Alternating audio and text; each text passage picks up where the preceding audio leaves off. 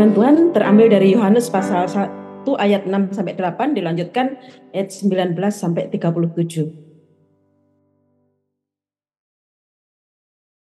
Ayat 6 datanglah seorang yang diutus Allah namanya Yohanes. Namanya Yohanes. Yohanes bukan sekedar nama karena nama itu yang memberikan adalah Tuhan sendiri saat dia belum ada dalam rahim ibunya. Dalam Lukas 1 ayat 13 malaikat datang kepada Sakaria yang sedang bertugas di dalam bait Allah. Lukas 1, 13, tetapi malaikat itu berkata kepadanya, Jangan takut, eh Sakaria, sebab doamu telah dikabulkan. Elizabeth, istrimu akan melahirkan seorang anak laki-laki bagimu dan haruslah engkau menamai dia Yohanes. Setelah lahir, ayat 80 pasal 1 Injil Lukas Lukas 1:80, adapun anak itu bertambah besar dan makin kuat rohnya. Ia tinggal di padang gurun sampai hari ketika ia menampakkan diri kepada Israel. Ya kita tahu dia di padang gurun dan padang gurun itu banyak imam yang berada di sana. Karena mereka lari, uh, mungkin bukan lari ya, tapi mereka menghindari eh, imam-imam yang lain yang mulai cinta dunia ini. Mereka di padang gurun Kumran dan kita bersyukur di Kumran itu kita mendapatkan peninggalan-peninggalan yang luar biasa. Ada yang disebut gulungan Laut Mati, gulungan kitab Laut Mati. Nah, Yohanes berada di padang gurun itu karena dia dibesarkan di sana dan akan bertugas di sana. Karena di sana banyak orang yang menunggu kedatangan Mesias. Ia datang sebagai saksi untuk memberi kesaksian tentang terang itu. Jadi dia tidak datang ke tempat yang kosong, tapi ke tempat yang orang-orang merindukan Tuhan. Ia di padang gurun yang tepat. Supaya oleh dia semua orang menjadi percaya. Dalam Lukas pasal 1 ayat 76, bagaimana Sakaria mengucapkan kata-kata yang luar biasa saat anaknya lahir Lukas 1, 76, dan engkau hai anakku akan disebut Nabi Allah yang maha tinggi karena engkau akan berjalan mendahului Tuhan untuk mempersiapkan jalan baginya. Jadi ia datang sebagai saksi untuk memberi kesaksian tentang terang itu, tugas kenabian yang sudah diemban dari kecil, bapaknya sudah menubuatkan itu. Karena itu memang pesan yang didapatkan Sakaria dari Tuhan. Dan banyak orang berpikir saat itu bahwa Yohanes adalah Mesias. Mungkin juga Rasul Yohanes pernah berpikir demikian. Seperti banyak orang lain.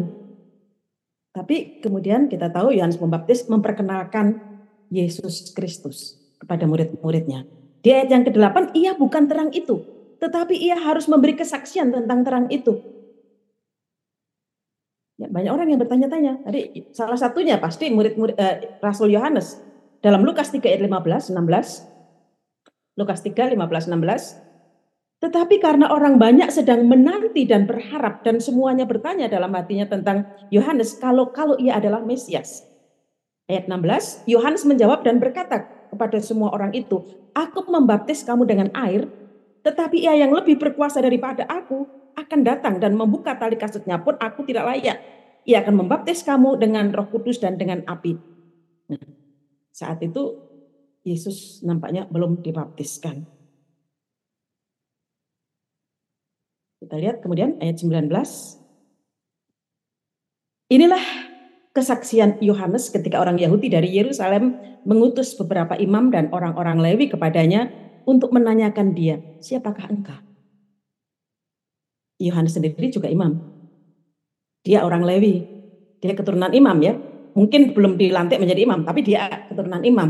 Dan dalam umurnya ke-30 biasanya dilantik menjadi imam. Tapi dia berada di padang gurun.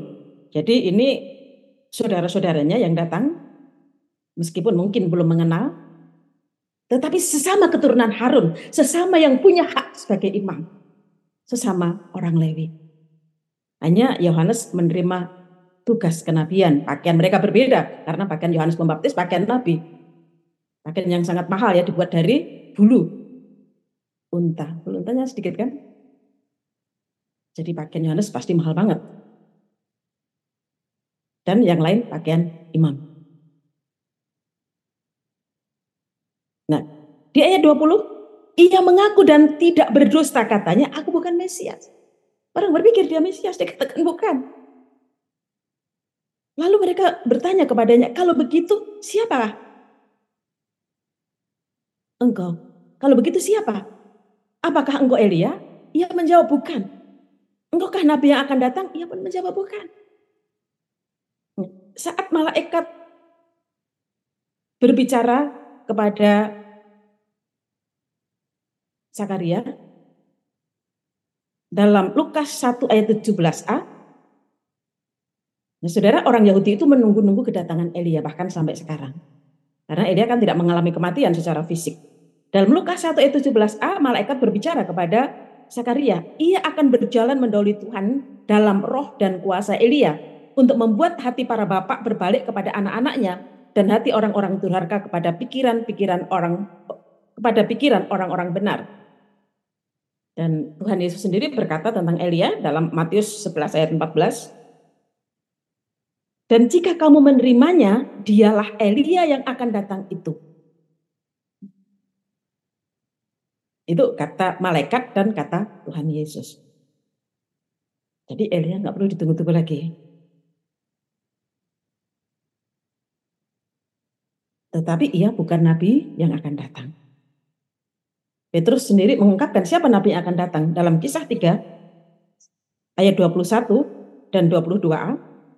Kisah pasal 3 ayat 21. Kristus itu harus tinggal di surga sampai waktu pemulihan segala sesuatu seperti yang difirmankan Allah dengan perantaraan nabi-nabinya yang kudus di zaman dahulu 22a bukankah telah dikatakan Musa Tuhan Allah akan membangkitkan bagimu seorang nabi dari antara saudara-saudaramu sama seperti aku itu yang dimaksudkan adalah Yesus yang dibunuh oleh mereka. Itulah nabi yang dijanjikan oleh Tuhan melalui Musa yang tertulis dalam kitab ulangan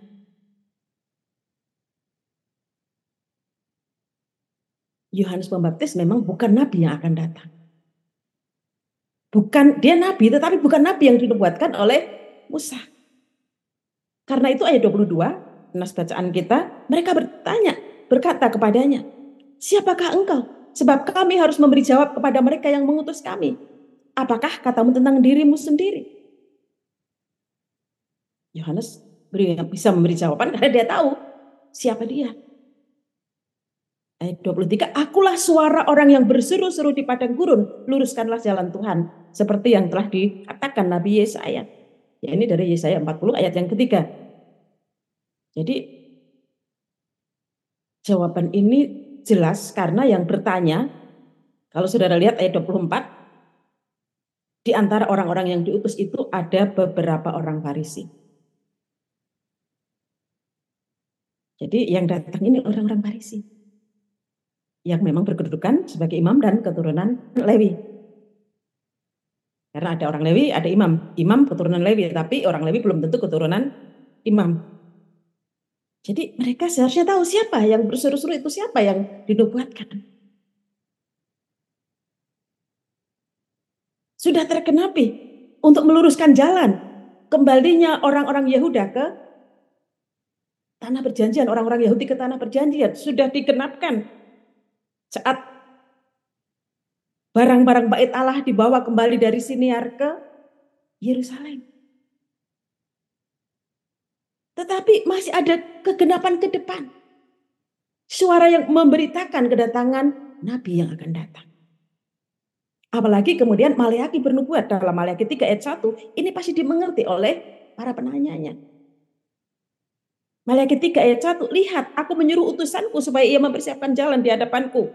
Dengan mendadak Tuhan yang kamu cari itu akan masuk ke baitnya. Malaikat perjanjian yang kamu kehendaki itu sesungguhnya ia datang firman Tuhan semesta alam. Tapi mereka masih bertanya. Ya. Ayat 25. Mereka bertanya kepadanya.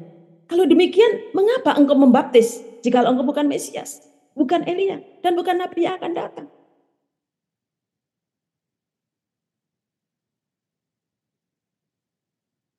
Karena yang dibaptis orang-orang Yahudi.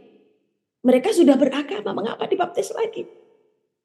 Yohanes menjawab mereka, aku membaptis dengan air, tetapi di tengah-tengah kamu. Artinya Yesus ada di antara mereka. Yesus ada dalam situasi sedang ada percakapan ini.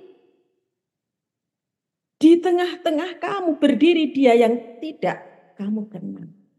Jelas sekali pernyataan Yohanes.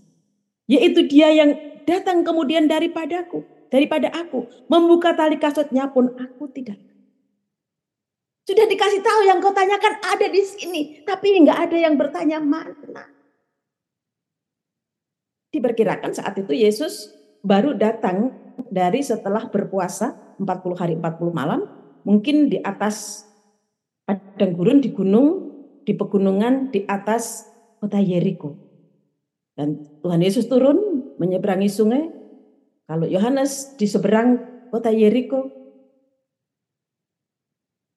tidak terlalu jauh karena itu juga tempat penyeberangan. Tapi nggak ada yang bertanya, mana Mesiasnya? Karena memang mereka tidak mencari Mesias. Mereka ingin tahu mengapain Yohanes ini membaptis. Mereka pasti tahu lah bahwa Yohanes juga imam. Kenapa? Karena banyak sekali imam-imam yang ada di padang gurun saat itu. mereka bertanya, ngapain kamu membaptis sekarang?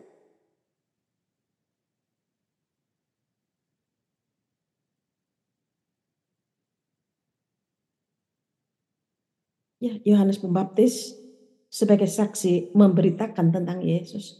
Tapi nggak ada yang merespon. Ia sudah melakukan tugasnya menjadi saksi. Ia bukan terang itu, tapi ia menyaksikan tentang terang itu. Tapi kesaksian di hari itu nggak ada yang membuat orang percaya Yesus. Nggak ada yang mencari Yesus. Keesokan harinya ayat 29 Yohanes melihat Yesus datang kepadanya dan ia berkata, lihatlah anak domba Allah yang menghapus dosa dunia. Sebelumnya dinyatakan ayat 28, hal itu terjadi di Betania yang di seberang sungai Yordan, di mana Yohanes membaptis. Yesus di situ. Yesus sudah datang kepada milik kepunyaannya, tapi milik kepunyaannya tidak menerimanya.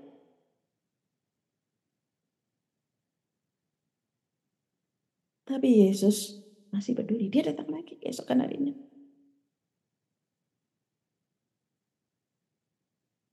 Dan Yohanes berbicara kepada murid-muridnya. Lihatlah anak domba Allah yang menghapus dosa dunia. Dialah yang kumaksudkan ketika aku katakan kemudian daripada aku akan datang seorang yang telah mendahului aku. Sebab dia telah ada sebelum aku. Aku sendiri pun dulu tidak mengenal dia. Tetapi untuk itulah aku datang.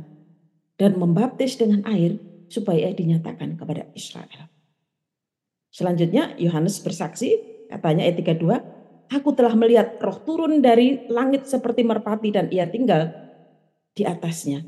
Dan aku pun dulu tidak mengenalnya, tetapi dia yang mengutus aku membaptis dengan air telah berfirman kepadaku.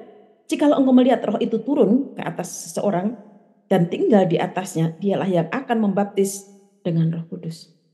Sebenarnya Yohanes dengan Yesus secara fisik dari Maria adalah kerabat.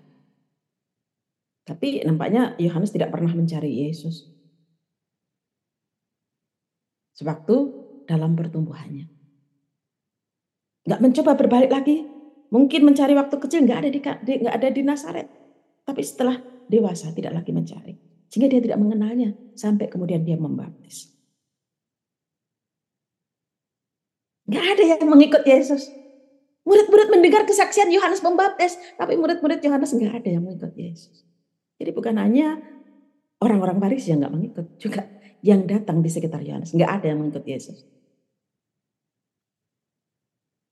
Keesokan harinya lagi ayat 35. Yohanes berdiri di situ lagi dengan dua orang muridnya.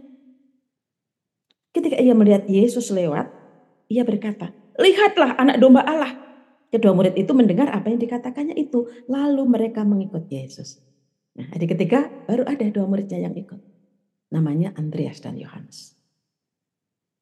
Dan Yohanes, Rasul Yohanes ingat betul peristiwa itu. Karena itu dia menuliskan di sini. Mungkin peristiwanya sudah 60 atau 70 tahun sebelumnya. nggak tahu ya umur berapa Yohanes saat itu.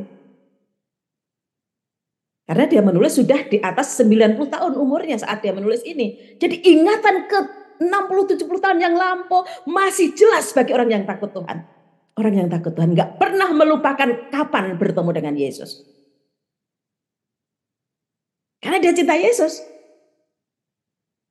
Sehingga meskipun peristiwanya sudah 70 tahun lebih atau 60 tahun lebih, dia masih ingat. Masih bisa menuliskan, masih cerita dengan gamblang.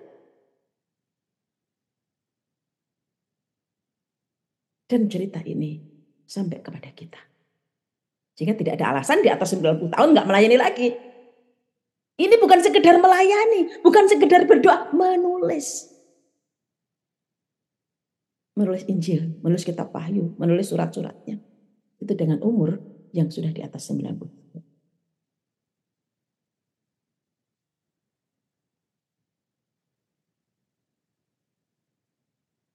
banyak murid Yohanes Pembaptis yang tetap mengikut Yohanes Pembaptis dan tidak mengikut Tuhan Yesus. Kita lihat dalam pasal 3 Yohanes. Yohanes pasal 3 ayat 23 sampai 26. Saya bacakan ayat 3 22. Pasal 3 sorry, pasal 3 dari ayat 22. Sesudah itu Yesus pergi dengan murid-muridnya ke tanah Yudea ia tinggal di sana bersama mereka dan membaptis. Tetapi Yohanes membaptis juga di Ainon. Dekat Salim, sebab di situ banyak air. Orang-orang datang ke situ untuk dibaptis. Ada keterangan sebab pada waktu itu Yohanes belum dijebloskan ke dalam penjara. Jadi Yohanes tahu ya karena kemudian ayat 15, lalu timbullah perselisihan di antara murid-murid Yohanes dengan seorang Yahudi tentang penyucian. Mereka datang kepada Yohanes dan bertanya kepadanya, Rabi, orang yang bersama dengan engkau di seberang sungai Yordan dan yang tentang dia engkau telah bersaksi, dia membaptis juga dan semua orang pergi kepadanya. Yohanes, oh ya kita sekarang pergi ramai-ramai ayo ke sana. Tidak. Yohanes hanya memberi jawaban yang di antaranya dia harus lebih semakin besar dan aku semakin kecil. Ayat 30. Yohanes sendiri tidak pergi, ayo kita sekarang rame-rame ke sana. Murid-muridnya pun juga tidak ada yang mengikut Yesus. Tapi kita bersyukur bagaimana Yesus tetap peduli dengan orang-orang yang sudah mendengar kesaksian Yohanes. Dalam Yohanes 10 eh, ayat 40, Injil Yohanes 10 ayat 40,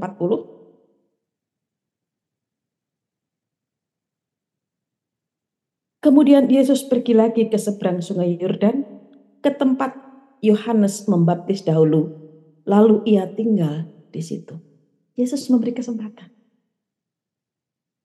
Orang-orang yang sudah mendengar cerita Yohanes untuk melihat dia.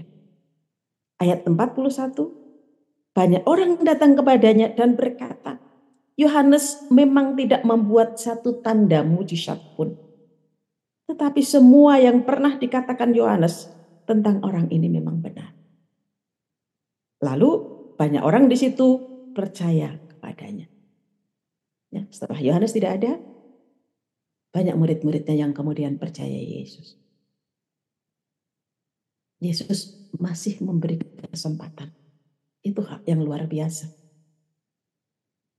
Mungkin kita bersaksi, tapi nggak ada yang mendengarkan. Nggak ada yang menggubris kesaksian kita tapi teruslah bersaksi. Karena mungkin kita tidak harus melihat pertobatan mereka. Memang tidak diharuskan melihat pertobatan mereka. Tapi kita menyaksikan siapakah Tuhan itu yang sudah menyelamatkan kita. Bisa jadi bahkan sampai mati baru orang itu bertobat. Seperti Yohanes, Yohanes sudah tidak ada. Tapi murid-muridnya kemudian ada kesempatan untuk ketemu Tuhan Yesus. Apa gereja yang terkenal Agustinus juga bertobat setelah pendoa syafaatnya tidak ada lagi. Itu ibu kandungnya Monica. Monica terus berdoa untuk suami dan anaknya. Sampai dia meninggal, anaknya pun tidak bertobat. Tapi siapakah orang gereja yang tidak pernah mendengar nama Agustinus? Dialah bapak gereja yang terkenal. Jadi meskipun dia bertobat sudah tua tidak terlambat. Karena pelayanannya luar biasa. Sehingga disebut sebagai seorang papa gereja. Apalagi kalau bertobatnya masih kecil. Jalan kita untuk melayani Tuhan panjang. Semakin hari kita semakin mengenal Tuhan, semakin hari kita semakin suka bersaksi tentang Dia. Karena mengenal Yesus itu luar biasa. Gak ada sesuatu yang lebih hebat dari penciptanya sendiri. Pencipta yang menjadi manusia. Pencipta yang mau berkomunikasi dengan manusia. Pencipta yang maha kudus yang mengendaki kita semua kudus. Kita diselamatkan dari ketidakberdayaan. Tapi bersaksi tentang dia berarti bersaksi juga tentang kekudusannya. Tentang kebenarannya. Tentang terangnya yang ajaib yang menerangi semua hati manusia. Sehingga kalau kita nggak kudus malu. Karena terang ya. Terang sementara kita kotor kan memalukan. Berjalan dengan terang tentu kita harus selalu bersih. Berjalan di dalam terang kita selalu bersih. Terang itu yang kita saksikan. Sehingga orang melihat kita secara penuh dalam terangnya. Kita bersaksi dalam kebenarannya. Bersaksilah sampai Tuhan datang kembali.